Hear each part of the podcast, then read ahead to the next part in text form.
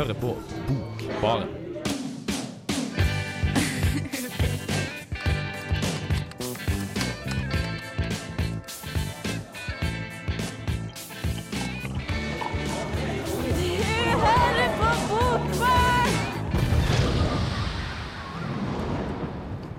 God dag og velkommen, mitt kjære bokbarn. I Tidlig i morges var det sol og godt ut, men nå er det kaldt og jævlig.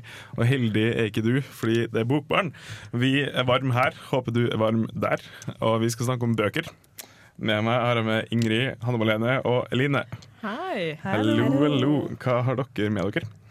Jeg har med meg en debutant, en 19 år gammel jente, og jeg er jo 22 snart selv, så jeg blir jo imponert over at noen som er yngre enn meg, kan skrive så bra. Jeg blir litt sint, egentlig. Ja, litt sint, men litt imponert, og det må være lov å, at andre også kan ha, være flinke, og ikke bare tenke på seg selv. Ja, nei, du er så bra. Ingen. Det tror jeg man blir uansett hvor gammel man er, egentlig.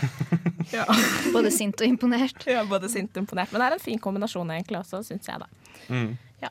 Enn du, Hanne Malene? Ja, jeg har med meg en jeg vet ikke helt hvor gammel hun er, sikkert sånn 40-50 år gammel dame, som skriver da om en dame på 80. Da. Så er vi helt i andre spekter av aldersskalaen. Og ikke ungdom og glede, men alt blir alderdom og litt tristhet. Ja, vi har litt av hvert. Og du har nå prøver bare å dra oss nedover, du. Uff, det er som jeg virkelig setter spikeren i kista her, da, med å hate alt menneskelig liv. Det er egentlig litt flaut. Uh, Nikanor, teratologen, som har skrevet den boka. Ja, og så er den oversatt av Stig uh, Sæterbakken. Mm. Ja. Det er litt fint, for jeg tenker å ha med han neste uke, kanskje. Uh, som en essaysamling uh, som heter 'Der jeg tenker er det alltid mørkt'. Så vi prøver egentlig bare å dra folk ned. Det er ikke veldig varmt og koselig her, det er bare depressivt. Nei. Nei. Vi fant ut at vi hadde vært litt for koselige i det siste. Ja, ok, fint. Kanskje vi skal kose oss med en sang uh, som heter Surf Decadence med Karok. Hei og velkommen igjen, kjære du der langt borte, eller veldig nær, det vet du ikke, men du er en plass i hvert fall, og du hører på Radio Revolt, og enda mer spesifikt Bokbaren, ditt litteraturprogram i Trondheim. Vi skal snakke om bøker, og en veldig spesifikk bok. Eh, Det- Hvilken er det? Hanne Det er 'I morgen forsvinner jeg litt til' av Laila Sognes Østhagen, som jeg har med meg i dag. Det er sånn fellesnevner i programmet i dag at det er veldig lange titler. Eller lengre enn til vanlig. Alle på seks bokstaver. Ish. Men hva handler din eh, seks bokstavs lange bok om? ord. Seks Seks ord, ord. mener jeg. Ja, min seks ords lange bok eh, har holdt mer enn seks ord inni seg. Um, og den handler da om en eh, dame på ca. 80 år gammel som går rundt og har, holdt på, er dement, har veldig dårlig hukommelse eh, og lever egentlig litt i fortiden, eh, der hvor hun går rundt på sykehjemmet. Mm. Ja.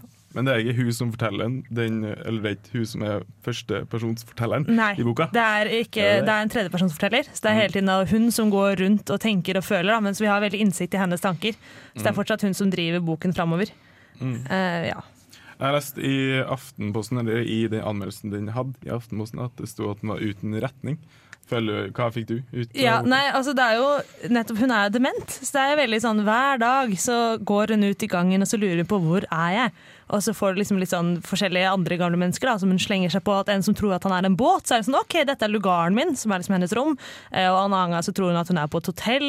Så det driver liksom og går litt sånn opp igjen. Altså Det er de samme opplevelsene om og om igjen, og hun tisser på seg om og om igjen. Og det er liksom ja, det går veldig i sirkler. Så det er jo noe på en måte med selve det hun prøver å forklare og fortelle som gjør at det blir en veldig repeterende roman. Så det er litt slitsomt. Det er av og til så blir det liksom, nå kan godt være ferdig, og det er altså 190 sider i den boka. Og det er ganske, ganske mange sider uten at det liksom skjer noe. Mm. Det er en bok for estetikken, mer enn selve fortellinga. At det er bare for at det skal være vakkert språk. Eller, ja. ja. nei, altså jeg vet ikke om språket er på en måte så vakkert heller. Er liksom, språket er greit, og liksom handlingen er også grei, men jeg føler at det er mer for å tenke på egentlig situasjonen. Det er det man sitter etter med etterpå, at hvordan det er å være dement. Det er jo en sånn liksom, tilstand vi ikke klarer å sette oss inn i det hele tatt. Eh, som jeg synes hun klarer å framstille ganske bra, men kanskje det er nettopp derfor det virker litt kjedelig for deg som ikke er dement, da, å lese denne boka om dama som bare virkelig ikke har snøring. Ja, Sikkert enda vanskeligere hvis du er dement igjen. Jeg, les, jeg kjenner ikke veldig mange demente som leser bøker. Jeg kjenner ikke veldig mange demente i det hele tatt. Men ja. Nei, jeg er heller ikke. Det er sikkert en veldig god bok for demente, da, fordi den forutsetter ikke at du husker noe av det som har blitt sagt tidligere. vakkert og fint. Kanskje vi skal høre på saken om i morgen forsvinner jeg litt til. Signe står opp, går ut i gangen, men hun kjenner seg ikke igjen. Mor, er du allerede oppe, Signe? En dame kommer gående, blid, som om alt er i skjønnesorden. Mor har falt igjen. Tror det går helt fint med moren din, Signe. En hånd tar armen hennes. Hun føres tilbake til hotellrommet. Sengen ser ikke ut. Skitten og våt. Dette er ikke mitt rom, sier hun. Jo da, Signe, det er det. Jeg har det ikke slik hos meg. Sengen din er litt våt, men jeg skal ordne opp i det. Bare la det være. Jeg skal ta toget tilbake til Oslo i dag. Først kan du vaske deg og kle på deg, Signe. Hvem i all verden er du? Jeg er Bente, og jeg skal hjelpe deg. Det er ikke jeg som trenger hjelp. I morgen forsvinner jeg litt til av Laila Sognes Østhagen handler om Signe på 80 som er dement. Vi følger henne på sykehjemmet, hvor hun stadig vandrer ut i gangene. Hun skal hjem, til Tåsenveien 5. Det er der moren bodde, og det er der Signe selv bodde med mannen fra Bergen. Signe lever i øyeblikket og har liten forståelse for egen tilstand.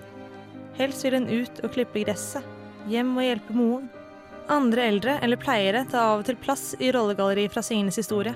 En historie om en dominerende mor, en fraværende far og en sjenert jentunge. Fortid og nåtid veves sammen gjennom Signes tilbakeblikk, som ofte munner ut i en nåtidssituasjon. Våte kluter over kroppen. Det er hennes kropp, det er hennes ører som hører en stemme som er så rolig, som om den trøster. Trenger jeg trøst? Jeg vet ikke, Signe. Kjennes det sånn? Det kjennes som jeg må dra herfra. Signe tisser stadig på seg. Hun får besøk av datteren. Hun vil ut og klippe gresset. Hun tenker på moren, på faren. Hun våkner på natta. Hun tisser på seg. Hun vil trøste. Hun våkner. Hun lukter. Er desorientert. Dette er elementene romanen består av, og til tider kan man bli litt sliten av den retningsløsheten som nødvendigvis følger en slik framstilling. Men Laila Østhaugen klarer seg bra store deler av tiden, og i alt det triste får vi komiske innslag ved å følge Signes litt brokete tanker. Når hun f.eks. kommer inn i dagligstuen, får vi vite hvor latterlig alle de eldre er kledd, hvor uengasjerte de er, og hvor rotete det ser ut. Er det da ingen som bryr seg om å rydde? Signe rydder i vei, pynter en grå mus av en dame med en grønn hatt, bare for å bli stanset av en av pleierne som sier du har tømt både vann og blomster i hele sofaen. Hatten hun fornøyd pyntet den grå damen med, viser seg å være en lampeskjerm. Slik får vi stadig innblikk i Signes tankerekke, som avsløres og vises feil konfrontert med virkeligheten. Det tar den tiden det tar, og den tiden må hun tåle. For nå skjer det noe. Hun kan ikke bli her lenger. Selvfølgelig kan hun ikke det. Hun må hjem og ordne opp. I både hage og hus. Moren roter det til. Hun søler, knuser, faller. Kanskje ligger hun på gulvet, og ingen vet om det. Hun kan dø. Man vet aldri når noen kan dø. De kan sitte der og snakke, og i neste sekund er det ikke noe mer pust i dem. Døden er stadig nærværende, både i fortid og nåtid. Og man blir nødt til å stoppe opp og tenke på hva velferdsstaten egentlig er. Hvilken velferd er det å samle alle over 70 i lange korridorer med sangkvelder én gang i uka? Bokas tragiske aspekter er mange. Å bli gammel og dement er i Laila Østhaugs bok å gå tilbake til barndommen. En tid hvor du igjen må adlyde andres regler, hvor det ikke er greit at du bare står stille i gangen eller ligger på gulvet. Å bli gammel er igjen å bli ufri, ikke ha autoritet over seg selv. Slutten av romanen ender med en pleier som tar seg én dag til bare Signe. En dag til å gjøre akkurat hva hun vil. En tur tilbake til barndomshjemmet hvor datteren nå bor, og en mulighet til å klippe gress igjen. Helt alene. Men det er én dag. Kun én. Og på slutten av boka lurer jeg på om generasjonsboliger kanskje ikke er en så dårlig idé likevel. Det handler tross alt om å ta seg tid.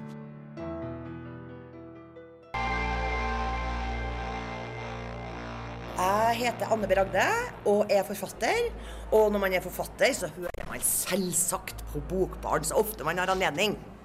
Selvsagt, selvsagt, Anne B. Du hører på Bokbarn, og du fikk nettopp slippe av Bendik, som ikke er Bendik, men to jenter fra en plass på Vestlandet. Og nå får du også Eller du fikk saken til Hanne Malene, Ja. som handla om ei dement dame. Hvorfor tror du hun skrev Eller hun frøken eh, Laila Sognes Østhagen Hva tror du hun skriver om ei dement dame? Nei, altså Det er jo ikke så lett å si. Jeg tenker jo at uh, Du har sikkert, som kanskje en forfatter, hatt uh, altså erfaring med familie eller noe som har blitt demente, eller har noe fra den siden. Da. For Det er veldig, det tristeste i boka er nettopp møtet med resten av familien, som er veldig til stede gjennom hele boka, både tilbakeblikk og i nåtiden, men som ikke får så mye plass. fordi For denne demente damen så er det veldig henne selv og hennes opplevelser og hennes historie som tar plassen hele tiden.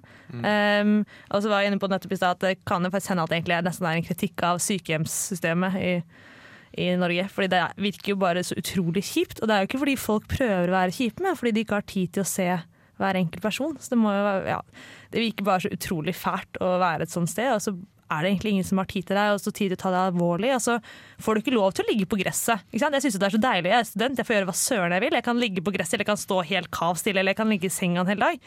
Men plutselig så er det masse folk som driver og regulerer hva du skal, hvor du skal gå, og når du skal gå dit, og hva du skal gjøre. Åh, nei, det virker bare skikkelig fælt. Det høres veldig fælt ut. Ja. Ja, men uh, kanskje vi skal gå til noe som er enda mer uh, fælt? Så fint.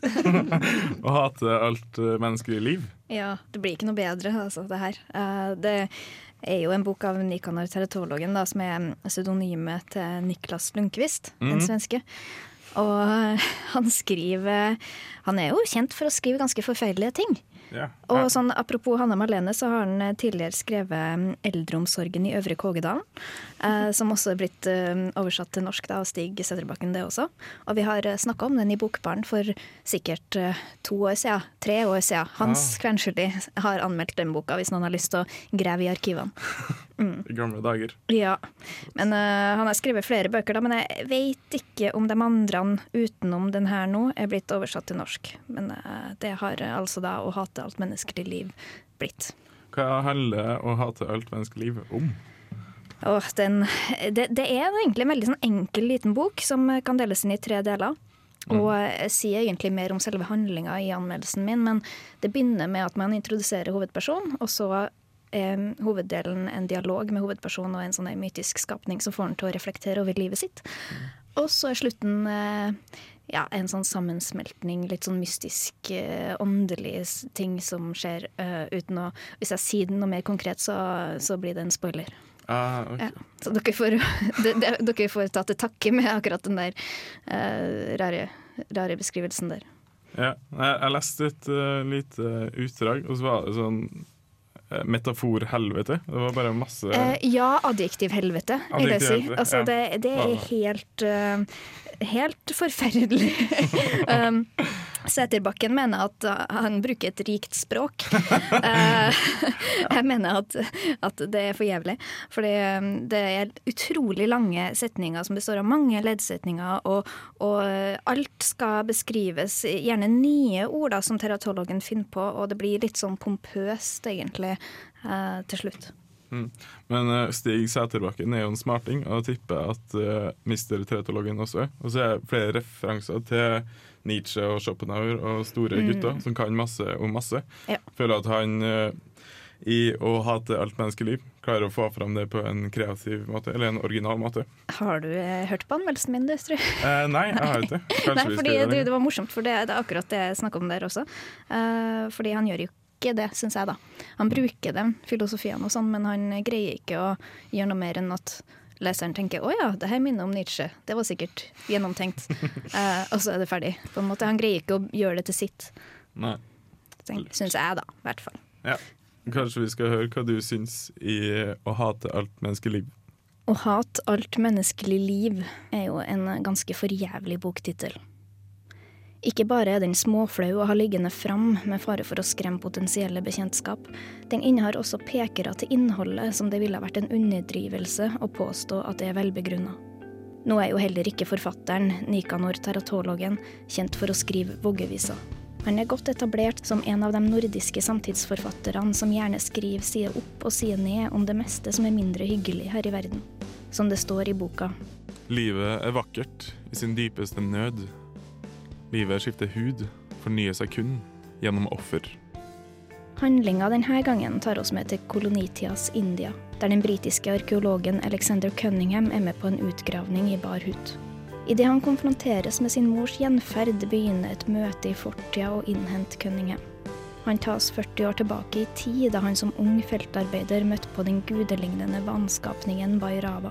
Et groteskt vesen med vannhode og fleskete, koppbara kropp, som, av sitt følge bestående av kastrerte transvestitter, lar seg bære rundt på i ei kjele. Bairava representerer i sin grusomhet all elendigheten som foregår i teratologens India på 1800-tallet. Og vi snakker voldshandlinger en masse. Konebrenning, voldtatte spedbarn og rituelle offerhandlinger. Cunningham med sin imperialistiske distanse framstilles som den siviliserte part i denne dialogen. Men han blir utfordra av kjælemonstre, for er ikke kolonimaktenes voldsutøvelse like ille som den mer primitive indiske kulturens? Teratologen gir oss et interessant blikk på den byråkratiske, systematiserte volden på den ene sida, og den følelseslada, rituelle volden på den andre. Bairava konfronterer Cunningham med hans sykleri. Jeg vil at du skal se på meg. Jeg vil at du skal ta på meg. Jeg vil at du skal snakke med meg. Det er den eneste veien til virkelig innsikt. Den eneste muligheten for deg til å forstå hvordan denne verden kan være som den er, eller synes å være. Akkurat i de her øyeblikkene, som f.eks. også da forfatteren sammenligner arkeologi med det å prøve å forstå døden, er innsiktsfulle perler i en bok som ellers overlempes med masseslakt, væskende kroppsåpninger og generell misantropi. Sammen med språket, som mest kan ligne et maratonløp langs uendelige setninger krydra med alskens oppfinnsomme adjektivsammensetninger, blir det litt vel mye av det onde. Teratologen greier ikke å anvende opphopninga av grusomheter på en måte som rettferdiggjør den.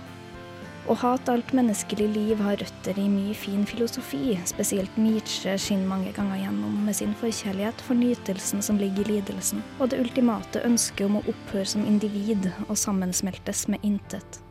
Det her gjør seg godt med tanken om nirvana, vi er jo tross alt i India, men teratologen utnytter ikke filosofiene noe videre, annet enn å gjenta dem i sin tropiske feberdrøm.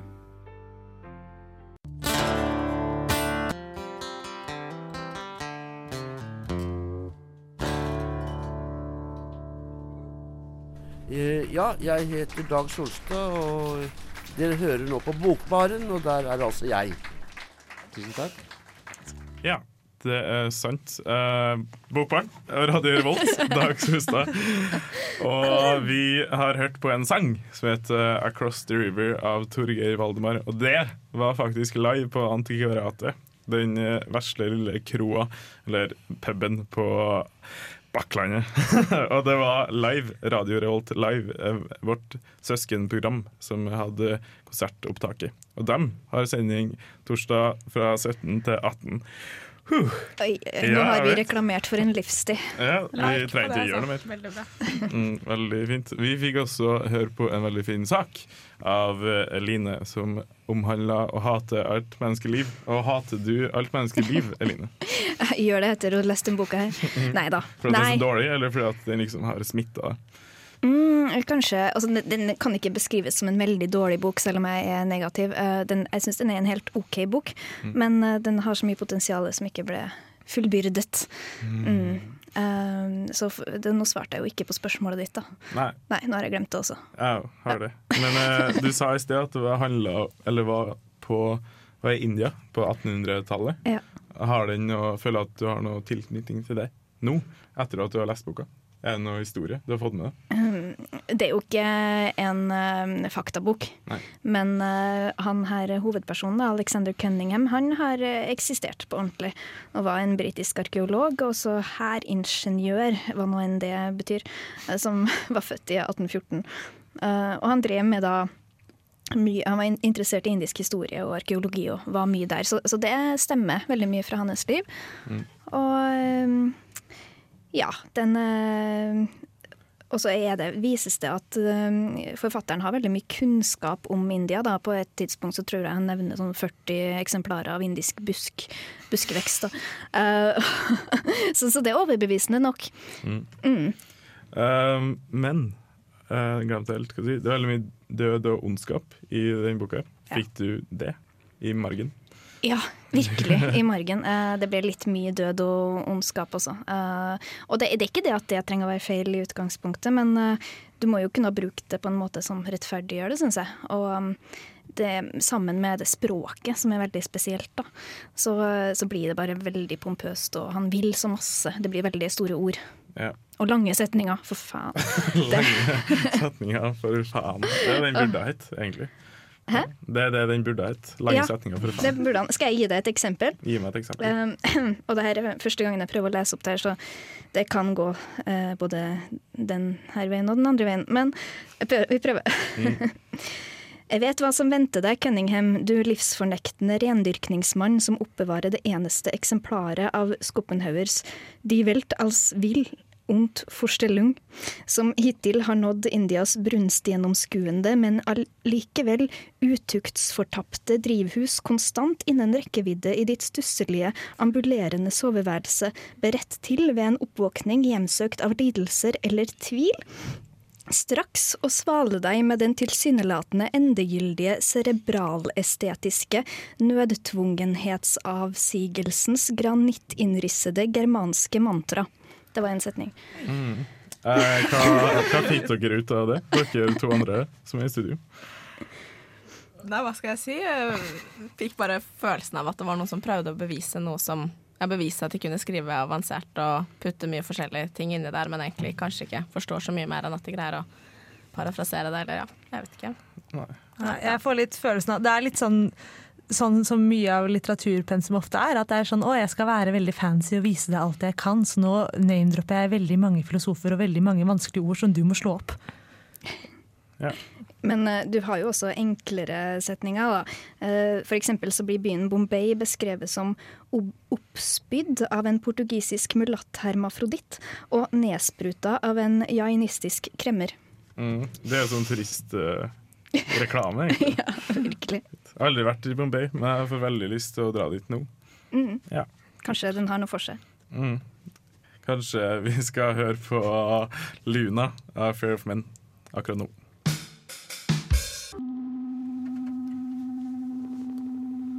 Hei og hallo, du der hjemme, eller der du er. Du skal få være den du er, og vi er Bokbarn.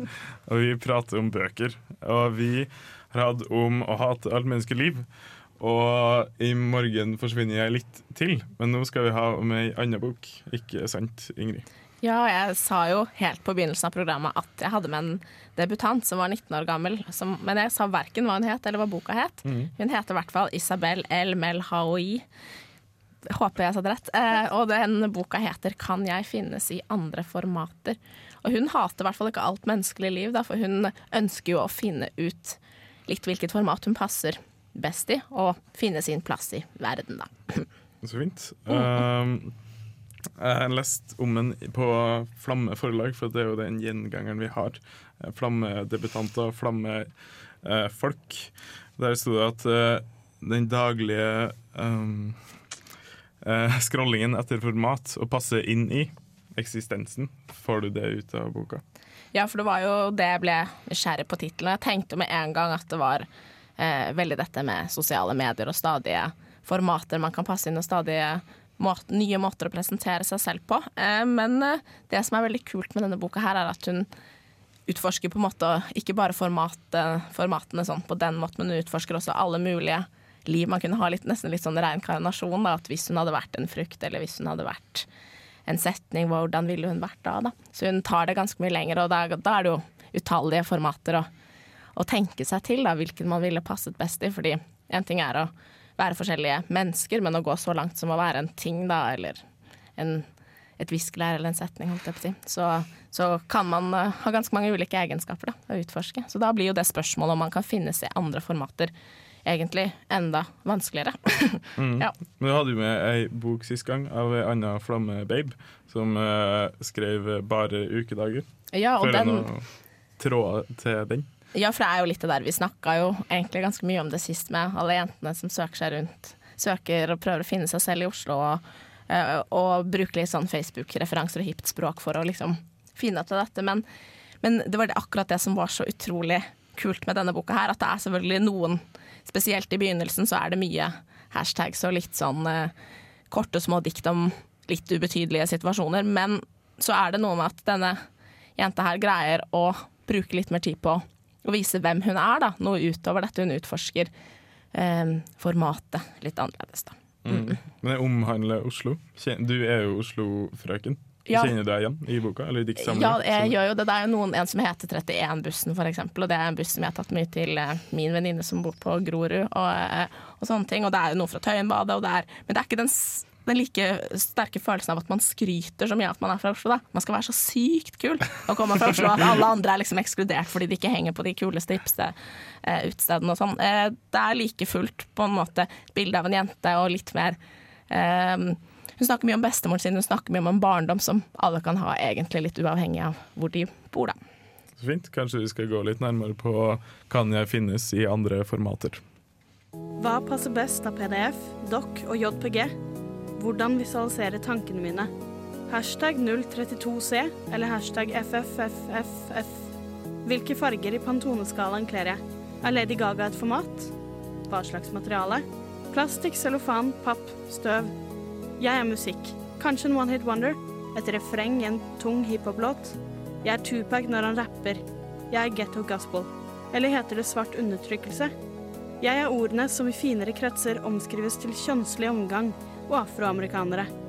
Jeg kan leke tøff i trynet og pådra meg et image jeg sjelden vil klare å stå for etter midnatt på en fest, når man står blant kvasiintellektuelle typer på kjøkkenet, og alle kan sin Heidegger. Kan jeg finnes i andre formater? Vi lever i en tid med stadig utvikling på selvpromoteringsfronten. På godt og vondt tester vi ut nye former, fasonger og formater, i håp om å tegne det, fylle inn passende adjektiv her, bildet av oss selv. Men er antall plattformer og forsøk proporsjonalt med høyere oppløsning og mer stabil grunn under beina til brukeren? Kan vi finnes i andre formater enn det vi opprinnelig tilhører? Kan vi være noen andre enn dem vi faktisk er? Det er dette spørsmålet som er grunnlaget og drivkraften i 19 år gamle Isabel El Melhaouis debut. Isabel vil, som så mange av oss andre, prøve å finne sin plass i verden.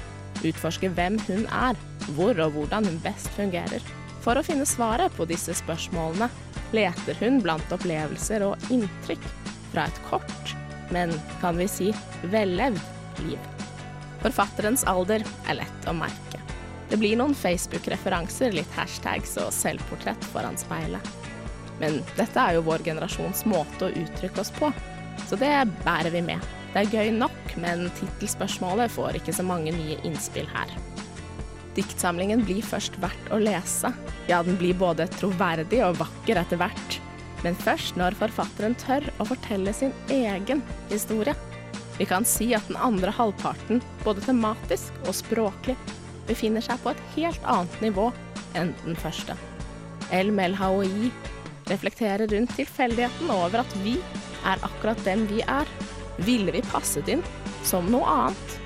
Og hvor stor forståelse har vi for andres livsvilkår, når det kanskje kunne vært våre egne? To av samlingens beste dikt, Habibi og Memi, viser ståstedet i dette spørsmålet til en selvmordsbomber og ulike typer frukt. Jeg sier, vi drømmer bare om et sted der mynten vokser fritt. Der ektefellene, fedrene og sønnene våre spiser dadler og spiller backgammon i skyggen av et tre. Vi er ikke terrorister. Vi er romantikere. Vi har ingenting å gjøre her. Jeg spør bestemor om det å spre kroppen sin for rettferdighet eller frihet er trygghet når trygghet ikke finnes. På en buss som kjører hverdagsmennesker fra holdeplass til holdeplass en ettermiddag i Israel. Jeg googler Allahs sorte enker. Jeg vil ikke bli avhørt av PST. Jeg bestiller rettetang barbermaskin til broren min i julegave. Isabel Elmel Melhaouis diktsamling har en debutants skjørhet. Den er ikke helt ferdig ennå. Kanskje kan den best sammenlignes med en kveld. Et OK oppbyggende vors. Men selve festen og de gode samtalene om den språklige dansen kommer først senere. Nachet uteblir. Yes! Hun redder seg mens stemninga fortsatt er god.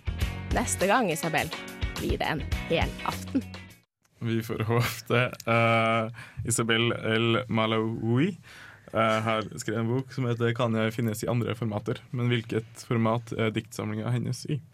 Hvilket format er diktsamlinga hennes i? Den er i hvert fall veldig fristende å se på når vi ser den. For den, eh, det er jo det med noen av de bøkene fra Flamme også er litt kule å se. Det er litt kult å sitte og lese dem fordi de er litt annerledes å kjenne på. Litt eh, tjukkere, tjukk, liksom pappaktig forside, og så er den eh, rektangulær og litt liten og rosa. Og Ja.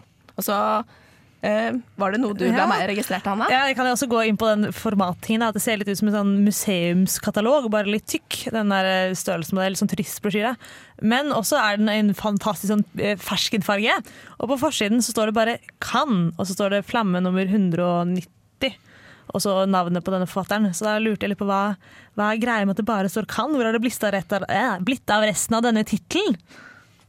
Ja, Den står bare på siden her. Da står det 'Kan jeg finnes i andre formater', så da står hele tittelen. Men eh, så jeg vet ikke, sånn som du, du sa i stad, at du kanskje ikke trodde at noe annet enn 'kan' passa, til forsiden. ja, det var ikke plass til formatet. Nei, resten falt av. Fordi Resten formatet av. er egentlig er utrolig upraktisk på en bok. Sånn hvis du har en i bokhylla. Men veldig fint. Men jeg tenker også litt at 'kan' er veldig sånn sterkt. At hun kan finnes i et annet format. Ja! Jeg føler at det er det hun har greid å bevise. Da. Hun kan i hvert fall finnes som forfatter. Det sa jeg jo på slutten av anmeldelsen, at neste gang så blir hele boka bra. Eller en helaften, som jeg kalte det.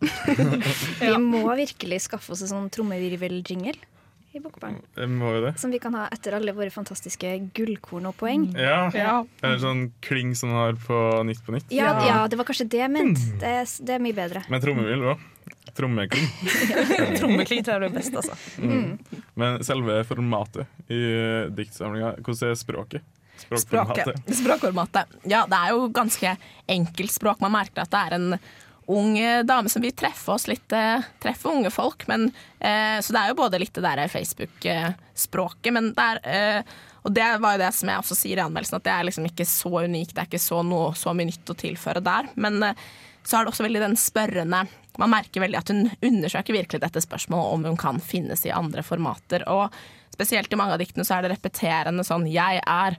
Hun prøver hele tiden. Hun stiller ikke bare spørsmålstegn om hva om jeg er dette, men hun sier at 'jeg er en frukt', eller 'jeg er et eller annet'. Så hun prøver virkelig å utforske andre roller. Og det syns jeg er veldig bra gjort av henne. Da. Hun greier virkelig å leve seg inn i andre, andre mennesker og andre ting. Men kan man være det hvis man er helt styrt av sin Facebook-obligasjon? Eller at man alltid må vise seg fram på en sånn og sånn måte?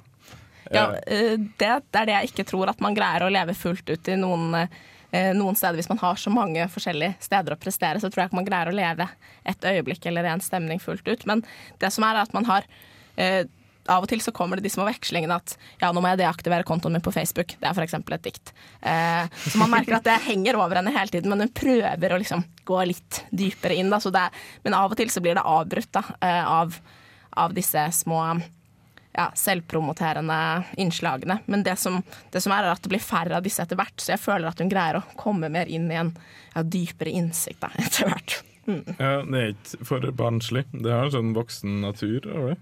Ja, det er jo i begynnelsen er det mye barndomsreferanser som men, men det blir ikke på en barnslig måte. Det er veldig sånn, det er enkelt og lett forståelig. og det, Noen ganger så kan det bli bare at hun sitter og skildrer hvordan alle tingene hun har på rommet sitt. Og det er på en måte ja, Det er ikke så interessant egentlig, men så er det også noen fine barndomsminner som, som vi alle kan kjenne oss igjen i.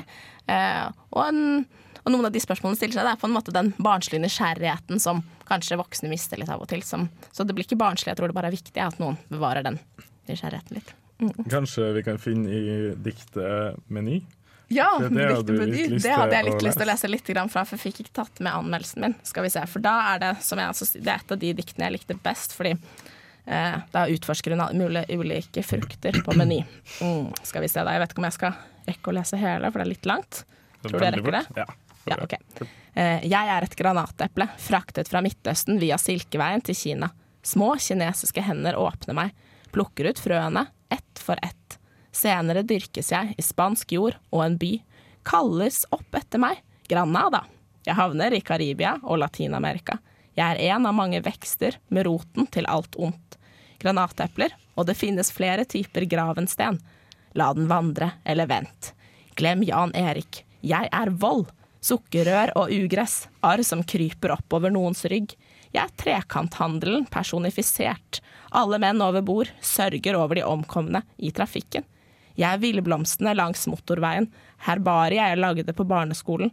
Det tas fram med jevne mellomrom. For glem meg ei. Men jeg kan også ligge i en disk sammen med andre eksotiske frukter. Jeg er tre for to. Jeg er én av mange. Jeg trenger ikke gjøre så mye ut av meg. For jeg har lang holdbarhet. Oh, veldig bra. Det hørtes veldig Ginsberg-aktig ut. Han uh, skjeggete beat-vennen vår fra beat-generasjonen. Men uh, ja, veldig fint. Det er veldig fint. Ja. Kanskje vi skal gå til en fin sang, eller en fin låt, som det så fint heter. Som heter DeLorean Dynamite av Todd Terje. Takk for lydene dine, Todd Terje. Du fikk nettopp DeLorean Dynamite, og nå får du Bokbarn. Hei, det er Pedro Carmano Carmano som snakker om hører eh, bøker. Og det her er Pedro Carmano Alvarez som kom inn og syntes det var kjedelig. Men uh, vi har ikke vært kjedelige hele uh, timen her. Vi har prata om flere bøker med lange titler. Hva har de lange titlene vært? Ingrid, du kan jo si Ja, min første Nei, ja, min, min første. Jeg var tredd ute, men min, da er jeg vel den yngste. Åh, oh, nei, uansett. Kan jeg finnes i andre formater, var det tittelen på min debutant Isabel El Melhaoui. Mm, det var en anbefaling. Virkelig en anbefaling. Jeg ble så glad for at det ikke var eh, det der Facebooket og selvpromoterende jenter i Oslo i 20-årene som ikke finner seg selv og prøver å egentlig ikke å være noen andre enn alle andre. Nå prøvde hun å være en annen enn alle andre. Prøvde å være en frukt, blant annet. Det var veldig fint fint. blir jeg bare enda mer bitter på, for at du er så ung og flink. Ja. Ja, ja. Ja, ja, ja. Og så går jeg psykologi! Du Ja. smarte det er kanskje derfor hun greier å virkelig utforske. Ja. Ja, bruke litt sånn forskjellige teknikker. Mm. Hun kan hjelpe folk med demens eh, videre i livet. Det kan hun, ja, fordi jeg hadde da med meg 'I morgen forsvinner jeg litt til' av Laila Sognes Østhagen. Eh, som da handlet om en 80-åring på demens. Da er vi langt unna de 20-åringene som andre ikke finner seg selv. For hun her finner jo faktisk ikke seg selv, for hun har jo ikke peiling. Eller hun har litt peiling på hvem hun var da hun var sånn ca. 19. Eh, og etter det så går det litt i ett, så det er litt vanskelig å relatere seg til da, sånn eksempel oldebarn og sånn. Da blir det plutselig veldig vanskelig. Ja. Hardt liv. Ja, det er hardt liv. Det er ganske Det er kjipt å være gammel. Jeg håper ikke det blir sånn å være gammel, for det har jeg ikke så lyst til. Altså. Rett og slett. Enda kjipere å være menneske. Ja. Ikke sant, Eline? Her eh, er det jo også en som virkelig finner seg sjøl, eller kanskje han finner menneskets natur, som selvfølgelig er ondskapsfullt. da. Ja. Ja. Det Å er- hate alt menneskelig liv, heter boka. Som, ja. Hvis vi skal si det igjen. Av. En veldig bardus tittel. Nå har jeg akkurat vent meg til den, så jeg må si den kjempeofte. Ja, det er fint. Jeg har den, jeg. Jeg har litt, litt lyst til å lese den, men jeg har vært litt uh, av Ja. eh, den lange setninga. Ja, jeg synes, Hvis du har den, så syns jeg du skal gi den et forsøk, for den er veldig liten og lett. Eh, eller ikke lett som Nei, det ble helt feil. Eh, men den er veldig lett i vekt, for den er veldig liten. Ja. Plass i lomma! Ja. det er veldig bra. Eh, så da syns jeg du skal gi den et eh, eh, prøv. Prøv virkelig. Uh, men jeg syns ikke nødvendigvis at den var det beste jeg har lest, nei. Nei. Det er fint. Jeg skal jo ha med oversetteren, som han fikk kritikerprisen for. Mister Oi. Stig Sæterbakken, som jeg sa i starten av programmet. Som heter 'Der jeg tenker er det alltid mørkt'. Eh, hva tenker dere om ei uke tid? Tenker dere mørkt, eller på ei bok som dere har lyst til å prate om her? Nei, det var ikke så Det var altså, kanskje litt mørkt der akkurat nå, men jeg, jeg skal straks finne ut av det. Ja. Bare finne ut hvilket format det skal være i. Eh, han eh, Nei, du, jeg husker jo ingenting, jeg, så jeg har ikke peiling. Nei, en mørk bok om uh, ingenting. Ja, det er det det blir. Konge. Men vi er jo kreative i Bokbarn, så vi kan jo lage en slags tittel av alle titlene. En slags uh, robocop av uh, bøkene. Som eh, blir da hater de menneskelige formatene', som eh, forsvinner litt til. Hva skal den handle om? Å hate alle menneskelige format som forsvinner litt til. Eller, nei, ditt. Unnskyld at jeg bare forkasta forslaget ditt. Ja, det går fint. Nå er jeg ganske ferdig. Eh, jeg heter Kristoffer Ervik. Jeg har hatt Ingrid Kveim Skarholt, Hanne Malene, Line Bjerkan. Og vi har hatt med en tekniker så veldig fin og flott som jeg ikke husker navnet på. Men vi er Bokbarn. Camilla Brenne. Camilla Brenne. Og Camilla Brenne. Camilla Brenne. Revolt.